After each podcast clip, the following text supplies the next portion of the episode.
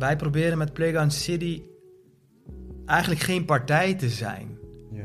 Wij proberen die lokale partijen, die mensen die er zijn, die organisaties die daar werken en wonen, om die met elkaar te verbinden, om hun met elkaar te laten samenwerken. Uh, en weet je waar het hier over gaat? Vertel. Over vertrouwen. Participatie, daar gaan we het vandaag over hebben. Uh, dat heeft wel te maken, hè? participatie, het betrekken van inwoners. Uh, vaak bij beleid en bij projecten. bij me zit Arjen Heus van Playground City. En ja, de eerste gewoon, kun je jezelf gewoon even voorstellen. Wie ben je en wat doe je? Zeker, leuk dat ik, dat ik hier mag zijn, Leon. Dankjewel voor de uitnodiging. Um, ja, mijn naam is Arjen Heus.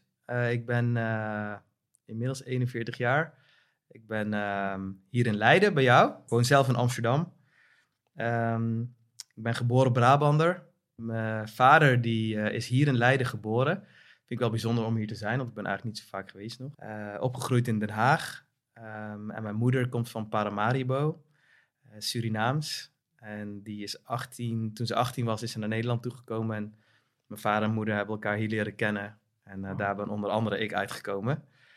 Um, ja, ik uh, ben inderdaad de initiatiefnemer, de founder van Playground City. En uh, daarmee houden we ons bezig met bewonersparticipatie in allerlei buurten. Ja, dus ik kijk heel erg uit naar dit gesprek. Leuk, tof, tof. Nou ja, ik heb je niet zomaar uitgenodigd inderdaad. En we hebben het niet zomaar over participatie. Ik zal ook nog wat over mezelf vertellen. Nou, ik ben Leon Koek. En um, ja, ik woon dus in Leiden, zoals je hebt gezien. En ik, ik werk bij uh, een gemeente, gemeente Al van de Rijn. En daar bij die gemeente werk ik als beleidsadviseur. En uh, nou ja, dan heb je het vaak over, heb je vaak te maken met projecten, sociale projecten uh, in de wijk. En ik heb onlangs ook een opleiding tot participatiestrateeg genoten. Nou, dat klinkt natuurlijk allemaal heel hip, maar dat is allemaal de theorie. Dus ik vind het heel tof dat jij er bent, omdat we het dan ook even over de praktijk gaan hebben. Wat is nou participatie? Want ik vind het toch altijd een beetje een containerbegrip. En ik zie ook hè, binnen de gemeente met de mensen wie ik werk, dat er met dat woord wordt geschermd. En ik heb het idee dat de ene en de ander, uh, de ene de, het ene onder verstaat en de ander weer het andere. Ja. En um, ja, toen dacht ik, waarom gewoon niet eens onderzoeken ja. uh, met zo'n podcast wat dat dan uh, eigenlijk betekent. Grappig. Ja. Ja, goed van je man. Ja, het is zeker een woord waar veel mee wordt uh, geschermd. Het gaat natuurlijk over samenwerken. Het gaat over community building. Het gaat over communicatie. Dus ik heb niet per se een ander woord. Ik denk dat participatie wel het juiste woord is om te gebruiken. Wat de meeste mensen inmiddels ook wel begrijpen. Maar ik vind het nog steeds een heel lelijk woord. Maar ja, het gedachtegoed van participatie vind ik wel heel erg mooi. Ja, tof en mooi en goed. Want dat gaat natuurlijk over um, een nieuwe vorm van democratie. Het gaat over mensen serieus nemen. Van wie is de straat eigenlijk? Hoe wordt ons gemeenschapsgeld uitgegeven? Wie mag daarover beslissen? Tuurlijk, we hebben één keer per, per vier jaar hebben we stemmen, uh, zowel landelijk als, uh, als gemeenteraad. Maar participatie gaat verder dan dat. Lang niet iedereen stemt. En in de buurten wonen wel een heleboel mensen die, die er zijn. Dus voor mij is het ook een, uh, een, een, verdieping zeg maar, op onze democratie als, uh, als samenleving zijnde. Ja, je woont nu in Amsterdam, maar daar ben je niet mee gestart met, met Playground City en dergelijke. Kun je daar nog eens wat over vertellen, hoe je, de, hoe je een beetje gestart bent? Oh, zeker, ja. Nou, wil je mijn levensloop horen? Ja, wat je, ja, wat je kwijt wil. Playground City is eigenlijk geboren in, uh, in Eindhoven. Voordat ik naar Amsterdam kwam, ben ik ongeveer 7, 8, 9 jaar in Eindhoven geweest. Heb ik daar gewoond en gewerkt. Maar hoe het begonnen is, moet ik nog wel een heel stuk teruggaan eigenlijk. Playground City en het werk wat wij doen in die buurten is wel een soort van embodiment van allerlei dingen die ik persoonlijk in mijn leven heb gedaan. Uh, zowel uh, in mijn opleidingen uh, als in mijn werkervaring. plus het diep gewortelde verlangen om iets wezenlijks en significants toe te voegen aan onze samenleving. Dat bij elkaar gebracht uh, is uiteindelijk Playground City geworden. Dus ik moet eigenlijk wel een heel stuk teruggaan naar waar ik ben opgegroeid en geboren. In Brabant, uh, in Veghel. Ken je dat toevallig? Ja, ik, volgens mij, Theo Maas heeft wel eens uh, zo'n grapje gemaakt of zo. Dan gingen ze op vakantie, zouden ze gaan. En dan zeiden, hoopten ze dat ze naar het buitenland gaan en dan gingen ze op vakantie in Veghel. dat is waar ik het van ken. Ja, maar hij is ook een grote grapmaker. Hij komt toevallig uit een klein dorpje naast Veghel. Oh, dat heet, ja, Zijtaart. Oh ja, Zijtaart. Toen ik in Eindhoven woonde, woonde ik op de, op de Kleine Berg. Uh, dat is een heel leuk stukje in, uh, in Eindje. En uh, Theo Maassen woont ook in die buurt. Ik zag hem inderdaad wel vaak rondlopen. Op een gegeven moment gingen mijn ouders scheiden. En uh, na een aantal jaar besloot ik om van mijn moeder naar mijn vader te gaan verhuizen. En toen ben ik al gauw naar een ander dorp verhuisd. Aan de andere kant van Brabant, vlakbij Os. En uh, heb ik daar een aantal jaar bij mijn vader en mijn stiefmoeder gewoond. Voordat ik uit huis ging. En dat, dat was in Tilburg, omdat ik naar de middelbare hotelschool ging, de Roy Pannen. En daar heb ik, naast dat ik natuurlijk half Surinaams ben, uh, heb ik uh, nog veel meer geleerd over gastvrijheid. En ik denk dat gastvrijheid ook wel een van de pijlers is als het gaat over bewonersparticipatie. Om uh, met open armen naar elkaar te kijken, mensen te ontvangen en ja, eigenlijk heel servicegericht te werk gaan. En na Tilburg ben ik naar Amerika gegaan, in Baltimore, eindstage daar gedaan voor de middelbare hotelschool. Daarna kwam ik in deze regio. Ik ging een doorstart maken naar de Hoge Hotelschool in Den Haag. En ik woonde in Duindorp. Vond het ook heel leuk om in Den Haag te zijn, want dat is natuurlijk waar mijn, mijn vader is opgegroeid. Maar eh, niet met al te veel succes, want na een half jaar stopte ik met die opleiding en ging terug naar Veghel, ging samenwonen, huisje, boompje, beestje. Na een jaar of zes ging dat, uh, ging dat uit en toen ben ik weer terug naar Eindhoven gegaan. Of terug, dat, toen, ben ik naar Eindhoven gegaan. En in Eindhoven heb ik eigenlijk een heleboel geleerd over design. Je hebt daar de Design Academy veel kenniswerkers. Je hebt daar een aantal organisaties zitten, grote bedrijven, ASML bijvoorbeeld, in de regio, uh, waar veel expats op afkomen. Je hebt de TU.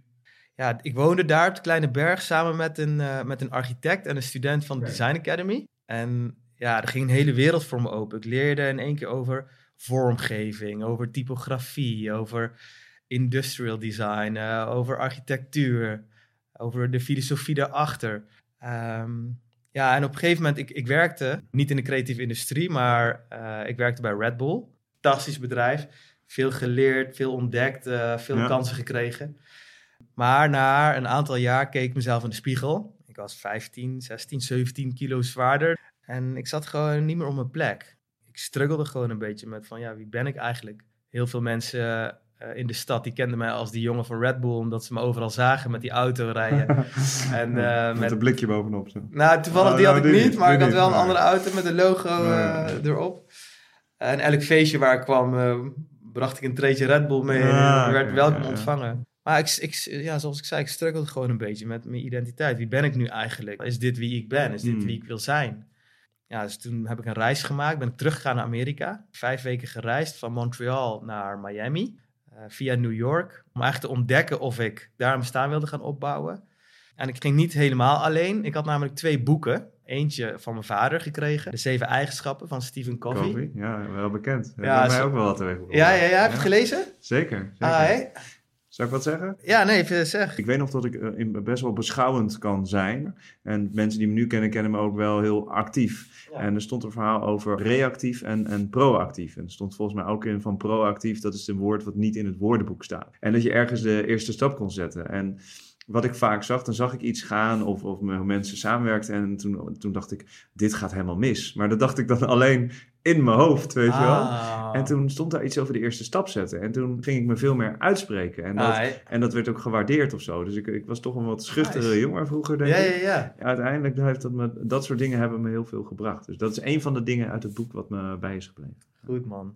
Ja, weet je, dat is voor mij ook een soort bijbel. Die, eh, dat was eigenlijk een van de eerste persoonlijk leiderschapsboeken die ik kreeg. Voor mij ook. Nou, grappig. Ja. En eh, ja, inderdaad, de eerste eigenschap eh, die hij beschrijft, die heet be proactive. Het Ja. gaat inderdaad over je mindset, over je houding, eh, over initiatief nemen, eh, over je cirkel waar je invloed op hebt eh, te vergroten. Cirkel van betrokkenheid en cirkel van invloed. Ja, Ja, en ja. om je niet te druk te maken over dingen waar je dus geen invloed op kan uitoefenen. Ja, first things first. Nadat je je stip op de horizon hebt gezet met begin with the end in mind, eh, definieert absoluut dat je ja, toch begint bij stap 1 met zo'n proactieve houding. Ja. Ja, ja, ja. ja, en ik had het boek dus gekregen van mijn pa ehm, op mijn 21ste verjaardag. En ik, ik werd 21 toen ik in, eh, in Amerika woonde. Ja.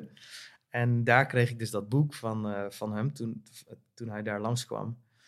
Uh, nooit aangeraakt. ik moest zeg maar 30 jaar worden om, uh, om oh, boek zeg maar, oh, ja, ja. ja, dus toen ik bij Red Bull werkte en toen ik een, een soort van dat dilemma had van ja, wat doe ik hier eigenlijk en wil ik dit, wil ik dit zijn en wie, wie ben ik eigenlijk en wie wil ik zijn. Uh, was ik dus bijna tien jaar verder toen ik dus dat boek voor de eerste oh, keer opensloeg. En ik had ook een boek van mijn moeder gekregen. Toevallig in diezelfde periode, vlak voordat ik ging, vertelde ik haar zeg maar over mijn struggle. En toen zei ze, nou, ik heb net een tof boek gelezen hmm. van Rob Wijnberg. Dat is ook wel grappig dan, want ik las, hij was, vroeger schreef hij stukjes in het NRC. Ah, en die vond ik altijd heel tof. En ik heb vrijwel al zijn boeken gelezen. Ja? ik vind het wel heel grappig. Oh, niet zijn kant lezen de krant en zo en dat soort boeken. Ja, ja dat is boeken. welke wat, heb jij gelezen? Ja, Dus Ik Ben. Oh ja, ja, ja, ja, ja. en ik vond het heel boeiend, want daar leerde ik dus over um, uh, filosofie. Ja. En over identiteit. Um, en uh, ja, die leringen, zeg maar, die ik daaruit haalde, die zowel uit die, die, die, dat boek van Rob Wijnberg als van Stephen Covey ik, heb dat, ik, ik ben er eigenlijk helemaal in gaan duiken. En ik, heb, ik heb mezelf, ik, ik, zo'n Moleskine, zo'n zo, zo notebook, weet je wel, ik heb het helemaal vol geschreven. Ja, ehm, ja en, ik, en ik leerde daar eigenlijk van, oké, je bent eigenlijk niet één ding. Weet je, je bent constant in ontwikkeling. En er zijn verschillende manieren waarop je kan kijken naar je identiteit. Ik denk dus ik ben, ik voel dus ik ben. Je had het net over Nietzsche, of over Descartes. Of, um, maar ik ging dus ook nadenken van ja, wie ben ik nu eigenlijk? Misschien nog wel wie wil ik zijn? En dat. Ja, en daar kwam ik dus ook achter van, weet je, ik ben eigenlijk heel trots Nederlander. En ik wil eigenlijk helemaal niet in Amerika wonen. Ik, uh, ik ben heel blij eigenlijk uh, wat ik uh, en hoe ik ben gevormd in een land zoals Nederland. Dus je ging eigenlijk iets zoeken, maar je kwam daar tot ontdekking, ik wil weer, wil weer terug. Eigenlijk wel, ja. ja. Ja, ja. en doordat ik dus dat was eigenlijk de eerste keer in mijn leven dat ik zelf onderzoek ging doen naar, naar, naar mij. Uh, en dat ik naar binnen ging om, uh, ja, om antwoorden te krijgen op wat grotere vragen. Van, ja, wat is nou eigenlijk het nut van het leven? Uh, of eh, wat doe ik hier eigenlijk? Of ja, wie wil ik zijn, inderdaad. Eindstand is dat ik ervoor koos om ontslag in te dienen bij, bij Red Bull. Grote stap, denk ik ook. Dat was zeker een grote stap. Ja. En mijn omgeving verklaarde me ook voor gek. Ja. Ze van, yo, ga je nou weg bij Red Bull? Super vet bedrijf, je hebt een vaste baan gekregen. En toch voelde het niet goed. En wilde ik uh, ja, iets, iets gaan bijdragen aan onze samenleving. En niet wetende dat dat nog een hele uitdaging is. Op mijn 36e was al mijn geld op. En toen kon ik mijn moeder bellen met de vraag of ik weer thuis mocht komen wonen. Ja, ik had geen woning. Moest er toen ook uit, weet je. Het contract liep af. En ik had eigenlijk niet zoveel perspectief. Maar toch, weet je, het geloof in mezelf, in mijn dromen, die verloor ik niet. En dat is ook een beetje dezelfde periode geweest dat Playground City werd geboren.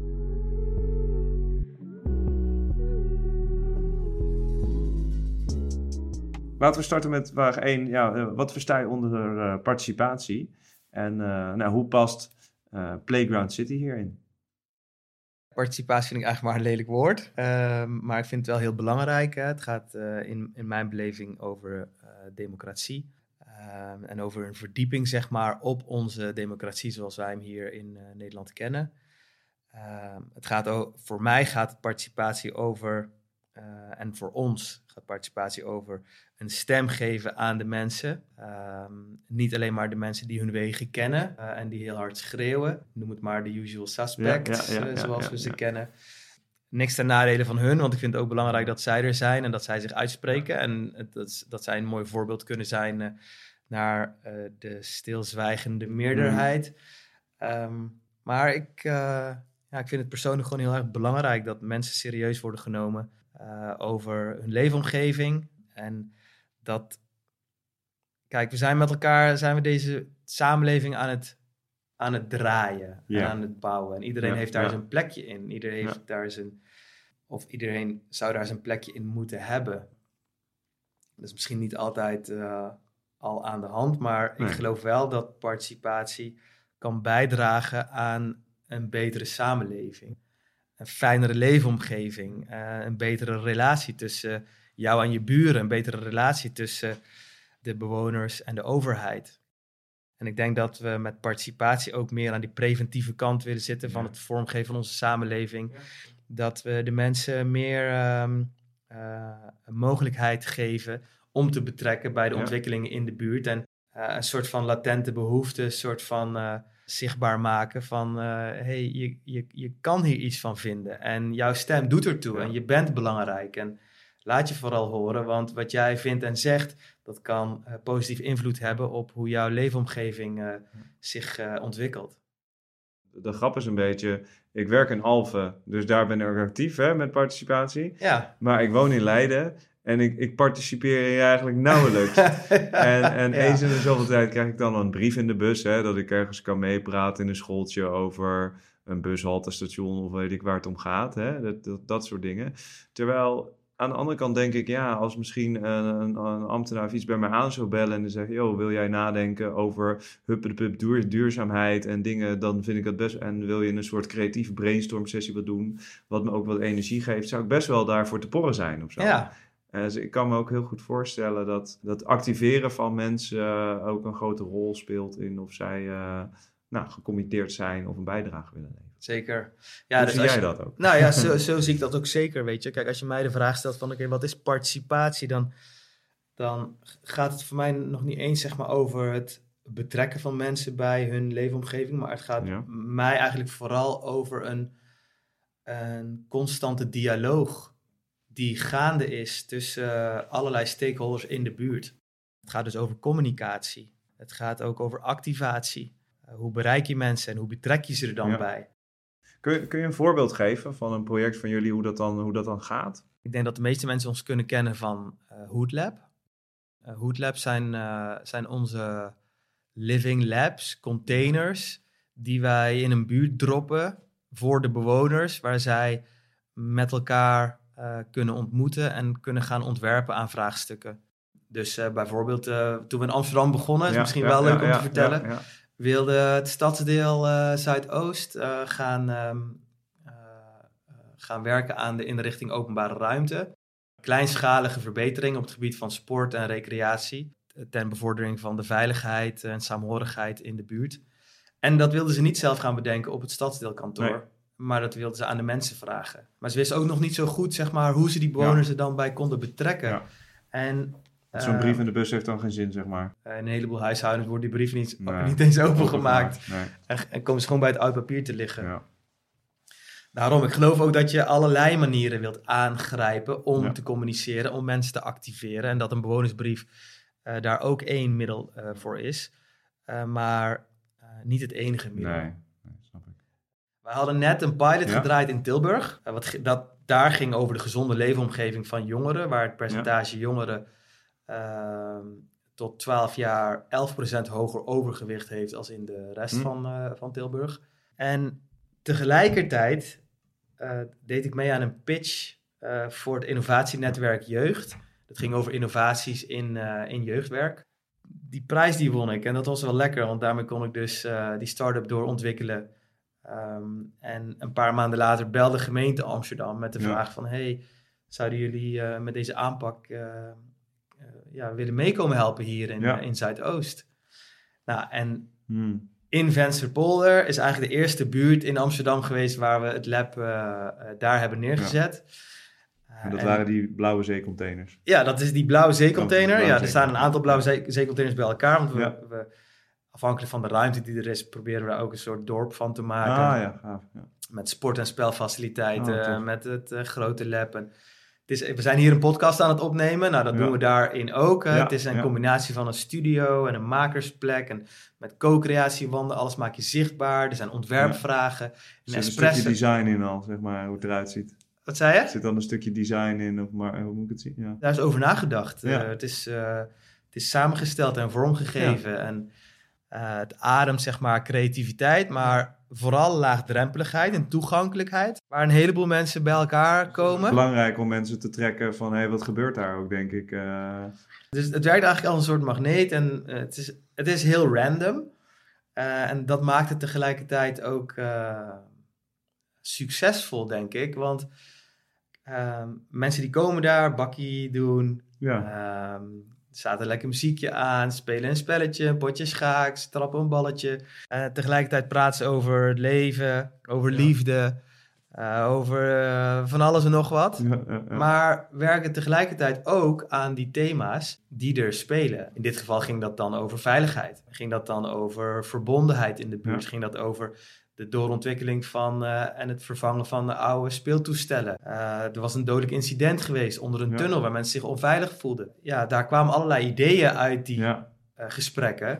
En die ideeën hebben wij als Ja. ontwerpteam, waar ook bewoners in zaten, teruggepresenteerd aan het stadsdeel. Van die ideeën zijn in de anderhalf jaar daarna een stuk of tien realisaties uh, Oh, ja, die hebben, pla- hebben plaatsgevonden. Van zeg maar, het verbeteren van de verkeerssituatie tot het aanpakken van die tunnels, tot een nieuw sportveld, bloembollen, picknicktafels. En daar hebben echt honderden bewoners.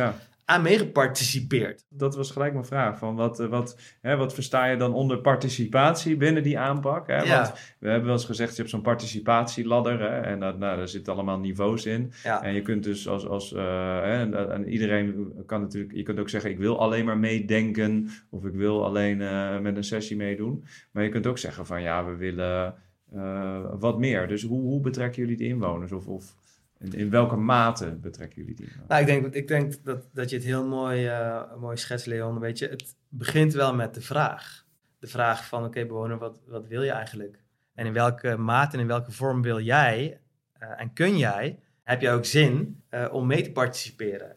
En sommige bewoners die hebben gewoon goede ideeën, maar die hebben echt geen zin om daar ook werk van te gaan maken. Het is wel interessant, want er, is nu, er loopt een programma in Amsterdam, dat heet Bewoners Begroot. Dat bewoners zelf mogen beslissen over Ja, hoe het geld ja, wordt besteed. Het is ongeveer een miljoen uh, euro per, uh, per stadsdeel. Um, en dat is een super vet initiatief. Maar daar komen we ook zeg maar, tegen uitdagingen aan te lopen. Van, uh, dat er zijn bewoners met goede ideeën, maar dat betekent niet per definitie... Goede uitvoerders hoeft niet, ja. Nee, precies. Ja. Dat betekent niet per definitie dat diezelfde bewoner die dat goede idee heeft, Ja. waar tientallen en honderden mensen Ja. zeg maar, op stemmen, eh, en wat eh, dus gedragen wordt, eh, dat die ook zin heeft om die kar te gaan trekken. En om dat mee te gaan uitvoeren. En hoe kijkt de gemeente daar dan naar? Hebben, dat, hebben die dan verwachtingen ook als ze zoiets doen van nou, Tuurlijk, tuurlijk hebben die verwachtingen. Ja. Dat begint met verwachtingen, maar Ja. die verwachtingen die worden snel zeg maar realistisch bijgeschaafd Ja. eh, als ze erachter komen van oh, wacht eens even, het is helemaal niet vanzelfsprekend dat iemand die een goed idee heeft dat ook echt wil gaan Nee, doen. Want ik zie dat, dat, dat zeg ik natuurlijk omdat ik intern bij een gemeente werk. En dan heb je Ja. aan de andere kant de inwoners. denk je, nou dan doen we zoiets en dan komt het wel van de grond. En, uh, dat is ook niet per definitie nee, waar. Nee, nee.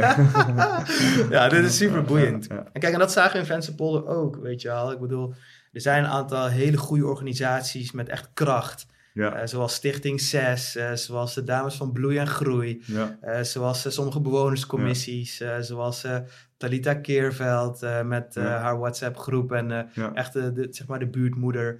en allerlei bewoners die ook echt dingen willen en ook dingen doen. En dus dan ook in positie gebracht moeten worden met een P, met, Ja. een, met een betalingsafspraak, zodat het niet alleen maar vrijwilligerswerk uh, blijft, maar dat zij daar ook wezenlijk hun bestaan mee kunnen opbouwen. En dat is ook iets wat wij met Playground City altijd doen in onze ja, projecten. Vraag. Ja, van... Wij betrekken eigenlijk altijd locals erbij die we uitbetalen voor het werk wat ze doen, zodat het projectgeld wat wij binnenhalen ook rechtstreeks en direct terugvloeit naar mensen uit de Ja. community. En, en die, die, de organisaties die je betrekken, dat zijn in principe vrijwilligersorganisaties, moet ik dat zo zien? Of, of andere? Uh, nee, het is niet eenzijdig. Nee, het is veelzijdig. ja. Ja, kan vrijwilligersorganisaties Het zijn. kan een professionele organisatie zijn. Of dat, ja, het kunnen bedrijven zijn, Bedrijven, freelancers, Ja. eh, het kunnen buurtvrijwilligers zijn, jongeren. Eh, het kan vanuit de school georganiseerd worden. Vaak is het een combinatie. Wij geloven in meervoudige waardecreatie. En eh, dat gaat over tijd, dat gaat over materiaal, dat gaat over energie, dat gaat over netwerk, dat gaat over geld.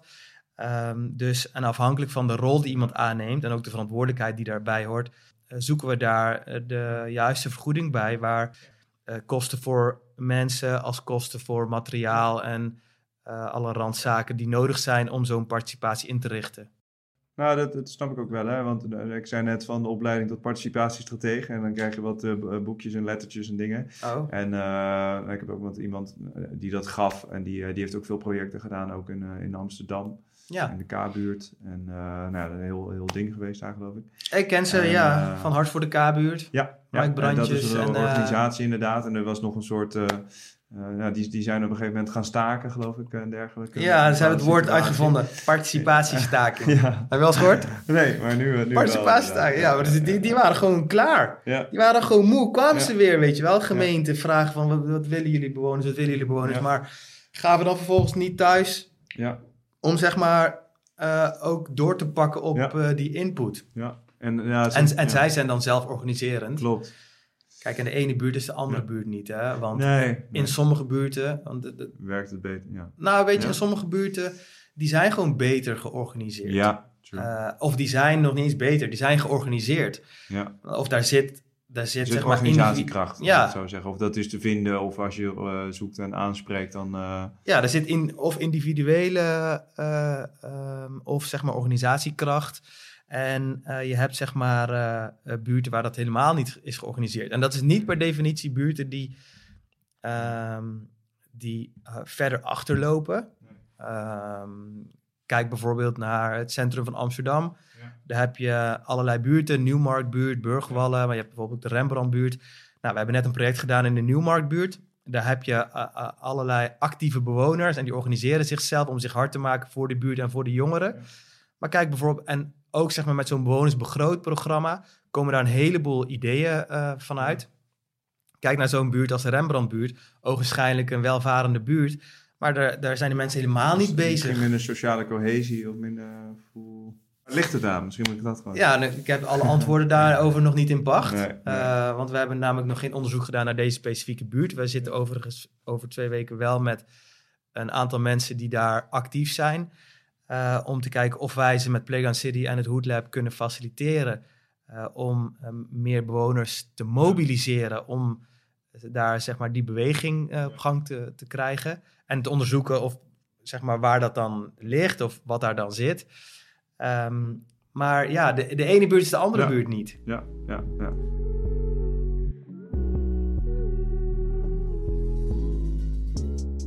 Wij proberen met Playground City eigenlijk geen partij te zijn. ja. Wij proberen die lokale partijen, die mensen die er zijn, die organisaties die daar werken en wonen, om die met elkaar te verbinden, om hun met elkaar te laten samenwerken. En tuurlijk, we hebben daar een rol. Hè? We zijn een soort van facilitators. Maar wij gaan niet per se met hun samenwerken.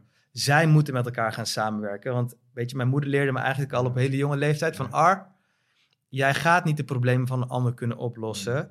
Je kunt alleen maar je eigen problemen oplossen en jezelf veranderen. Een ander ga je niet kunnen veranderen. Maar je kan anderen wel inspireren en misschien een handje helpen om te verbinden en om nieuwe dingen te zien, inzichten te krijgen en inspiratie op te doen.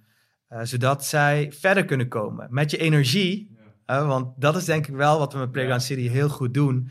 We kunnen wel een soort van energie, zeg maar, ontsteken, ontketenen om, om wauw. iets gaande te krijgen. Eh, en weet je waar het hier over gaat? Vertel. Over vertrouwen. Uiteindelijk verkopen wij helemaal geen participatietrajecten. Of zijn wij niet per se de partner in participatie. Of eh, zetten we blauwe zeecontainers neer voor buurtbewoners waar ze met elkaar in gesprek kunnen. Nee, het gaat over vertrouwen. Het gaat over verbinden. Het gaat over verrijken. En dat vertrouwen is niet alleen maar het vertrouwen wat er niet is en wat door zeg maar zo met elkaar te gaan samenwerken versterkt kan worden tussen overheid en bewoner. Vooral in buurten waar de sociaal-economische status lager is, is het vertrouwen nog lager. Ook het vertrouwen is gewoon heel erg laag tussen woningcorporaties en bewoners, tussen projectontwikkelaars en bewoners, tussen energiemaatschappijen en bewoners. Maar het vertrouwen in de mensen zelf, wat zij in zichzelf hebben, along the road wordt dat ook sterker. Omdat mensen in hun kracht komen en ze worden gehoord en ze worden serieus genomen. Dus ze gaan opstaan. Dus ze gaan meer initiatief tonen. Dus ja, ik denk als, als je mij vraagt van wat verkopen jullie eigenlijk Playground City, dan denk ik toch echt dat het antwoord daarop vertrouwen en verbinding is. Wauw, mooi, mooi antwoord. Wel. Wat raakt je? Wat vind je mooi? Ehm, nou, je, je, eh, misschien kom- maak ik een hele gekke koppeling hoor, maar dat doe ik wel vaker. Eh, je hebt dit natuurlijk een stukje over identiteit verteld. Over wie ben ik en waar sta ik voor en wat wil ik. En, en, en, en ook een, een, een stukje waar het niet lukte en waar je weer, het, het weer terugvond, dus ik zou maar zeggen. En, en daarmee is het voor mij het verhaal waarin je het vertrouwen in jezelf uh, terugvond. En hè, dat is dan iets wat je neemt, zo noem ik het dan even. En dat ga je dan ook weer geven in een, in een andere vorm. En dan geef je het vertrouwen aan de ander. En dan maak je het groter dan, dan jezelf. Dat raakt me ervan. Ah, nice man. Ja, ja dat vat je mooi samen. Ja. Um, ik zal je een voorbeeld geven. Je ziet hier uh, allerlei boeken voor Ja, liggen, ik heb ze hè? gezien. Wat, wat heb je allemaal meegebracht? Ja, dit zijn um, rapportages van, uh, van dat soort buurtprojecten. Waarbij alle inzichten en alle data die de mensen Ja. verzamelen, combineert met buurtverhalen. Uh, wat we teruggeven aan de bewoners uh, en aan de opdrachtgevers. Om uh, niet zo'n droog PDF, Nee, wat nee, niemand nee. zin heeft om te lezen, zeg maar, maar het veel beeldender te maken. En je ziet daar allerlei buurtbewoners op die covers staan. En het toffe is, Ja. een voorbeeldje van hoe we bewoners proberen te Ja. empoweren, Ja. is om visitekaartjes te maken. Oh, tof. Van inwoners. Van de mensen Oh, zelf. Dus we hebben stacks uitgedeeld, zeg maar, uh, van, uh, zeg maar, um, zeg maar, in gesprek kom je erachter van, uh, wat is jouw talent? Deze man bijvoorbeeld hier, dat is Gerald. Uh, oh, tof. Hij Ja, ziet er hele heel... toffe foto ook trouwens. Ja, het is een harde foto. Ja, Ja, is echt ja, gruwelijk. ja. Hij, hij staat er gewoon heel fashionable op. Ja. Hij is ook een soort van fashionista. Zijn achternaam is Angelista. Oh, kijk, dus in, kijk, in kijk. dat gesprek in Rijgersbos in Amsterdam kwam er ook uit zo van... Ja, je weet toch, uh, Angelista, jouw persoonlijke fashionista. Ja. If you need to know how to dress to impress, ga naar deze man. Ja, ja, ja. ja, En ja, ehm, dat hebben we uh, tastbaar gemaakt in een visitekaartje. En we hebben hem de 500 gegeven als onderdeel van het project. Oh. Met nog tientallen bewoners die in allerlei projecten allerlei visitekaartjes hebben gekregen. Maar je ziet gewoon dat zo iemand, dat dat empowered.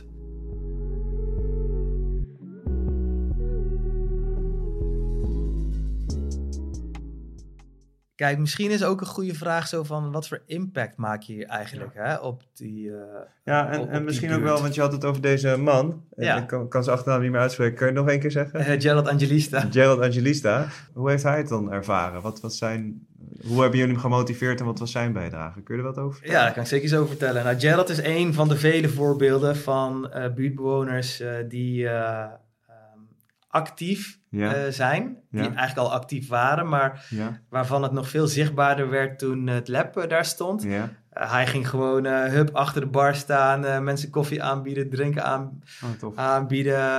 Hij, hij bracht allerlei mensen daar naartoe uit de buurt om hun stem te laten horen.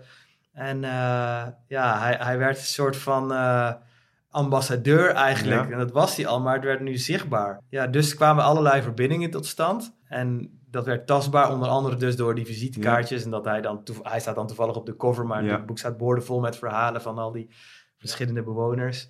Ja, ik vind het mooi om de koppeling te maken naar hoe je eigenlijk die positieve impact Ja. definieert. Want dat doen we en dat hebben we geleerd om dat op drie levels te doen. Je hebt zeg maar de lange termijn impact, dat is de cultuurverandering en waar we met elkaar als gemeente, als overheid, als zorgorganisaties, eh, de scholen, wij met z'n allen Ja, ja. aan werken. Ik zie het maar als zeg maar, de evolutie van onze samenleving. Dat mensen vooruitkomen.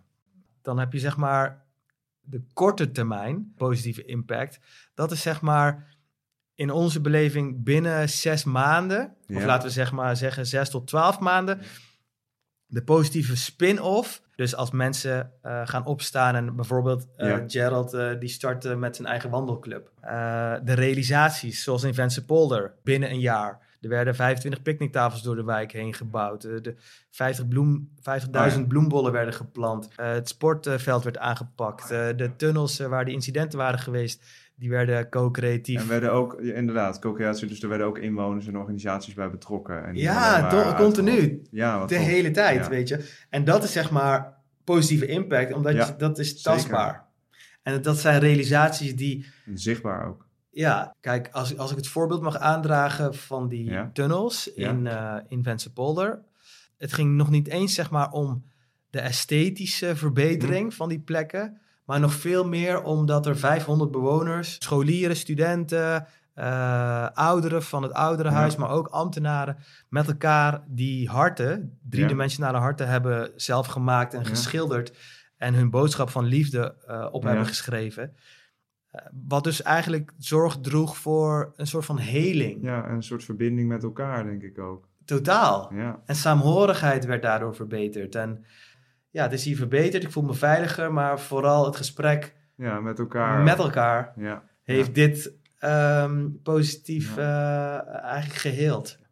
Maar dus die lange termijn, die Ja. cultuurverandering, die korte termijn, die realisaties eh, tastbaar en zichtbaar eh, al vrij vlot eh, na een onderdeel van eh, je participatie. Maar op dit moment, je positieve impact die je nu in het hier en nu maakt, door dit gesprek, door een luisterend oor, Ja. door een verbinding die tot stand komt, door iemand die naar huis gaat en denkt van, oh wacht, Oh. ik ga toch nog een keer solliciteren. kan ook zo. Ja.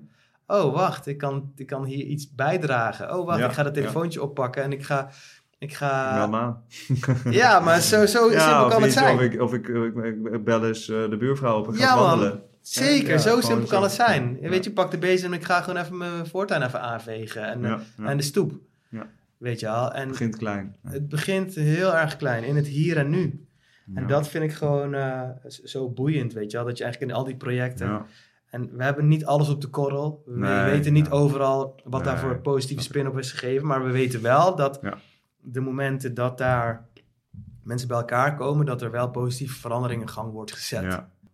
Hey, ik denk dat ik nog één vraag heb, want we zijn wel aardig aan het uh, ouwe hoeren. Ja. En ehm, ja, mijn vraag is eigenlijk, waar ben je het meest trots op? Wauw. Waar ben ik het meest trots op? Oh, er zijn zoveel dingen waar ik trots op ben. Kijk, ehm, ik heb het bij lange na niet alleen gedaan. nee, hè? dat snap ik. Er hebben vele mensen eh, heel hard meegewerkt hieraan. Eh Tommy, Joke, Louis, eh, Skyler, Wendela, eh, Floor, eh, allerlei stagiaires. Ja, ja. Er zijn zoveel mensen die Mm. meewerken hieraan. En ik ben gewoon onwijs trots dat we van niks, eigenlijk van een visie, van oké, hoe kunnen we een steentje bijdragen aan onze samenleving, iets kleins hebben gecreëerd in de afgelopen vijf jaar. Een aanpak en een methodologie. En, en nu, en kijk gewoon heel erg uit naar de toekomst eh, om eh, ook duurzamer onze organisatie eh, te bouwen. Om nog veel meer impact, positieve impact te kunnen gaan maken in die buurten. Ehm, en ja, te mogen groeien. En ik ben gewoon heel trots op dat we van niks iets hebben kunnen maken. En dat we nu die, van die start-up naar die scale-up mogen gaan. om, ja, om duurzamer impact te mogen maken in onze samenleving. Mag ik nog een samenvatting geven van dingen die ik eruit pik van een soort aanbevelingen die ik ook heb gehoord? Kom maar door. En er, er zullen er vele zijn die ik allemaal vergeten ben. Maar ik denk ehm echt, iedereen wil, of als je zoveel mogelijk mensen wil betrekken, kies dan eigenlijk voor een 360 graden aanpak. Dus hè, gebruik niet alleen de brief, maar eh, hè, en doe het ook niet of, maar doe alles en en. Als je wil dat mensen met elkaar communiceren of organisaties, eh, breng ze bij elkaar. Uh, maar stap er ook zelf weer tussenuit, zodat zij met elkaar verbinden. En een derde die ik wel mooi vond van uh, nou, uh, vier beleef en zie de zichtbare resultaten. en met elkaar, als je die met elkaar ziet, dan verbindt dat ook. Mooi samengevat hoor. Mag ik nog eentje aan toevoegen? Ja. Bij Hood Labs zeggen we eigenlijk altijd: um, geef liefde aan je buurt. Ja. En de T staat tussen aanhalings, tussen, tussen haakjes. Ah, mooi. Geef liefde aan je buurt. Mooi. Geef liefde aan je buurt. Mooi, tof. Uiteindelijk verkopen wij helemaal geen participatietrajecten. Of zijn wij niet per se de partner in participatie. Of uh, zetten we blauwe zeecontainers neer voor buurtbewoners waar ze met elkaar in gesprek kunnen. Nee, het gaat over vertrouwen. Het gaat over verbinden. Het gaat over verrijken. En dat vertrouwen is niet alleen maar het vertrouwen wat er niet is en wat uh, door zeg maar zo met elkaar te gaan samenwerken versterkt kan worden tussen overheid en bewoner. Maar het vertrouwen in de mensen zelf, wat zij in zichzelf hebben, along the road wordt dat ook sterker. Omdat mensen in hun kracht komen en ze worden gehoord en ze worden serieus genomen. Dus ze gaan opstaan. Dus ze gaan meer initiatief tonen. Dus ja, ik denk als, als je mij vraagt van wat verkopen jullie eigenlijk Playground City, dan denk ik toch echt dat het antwoord daarop vertrouwen en verbinding is.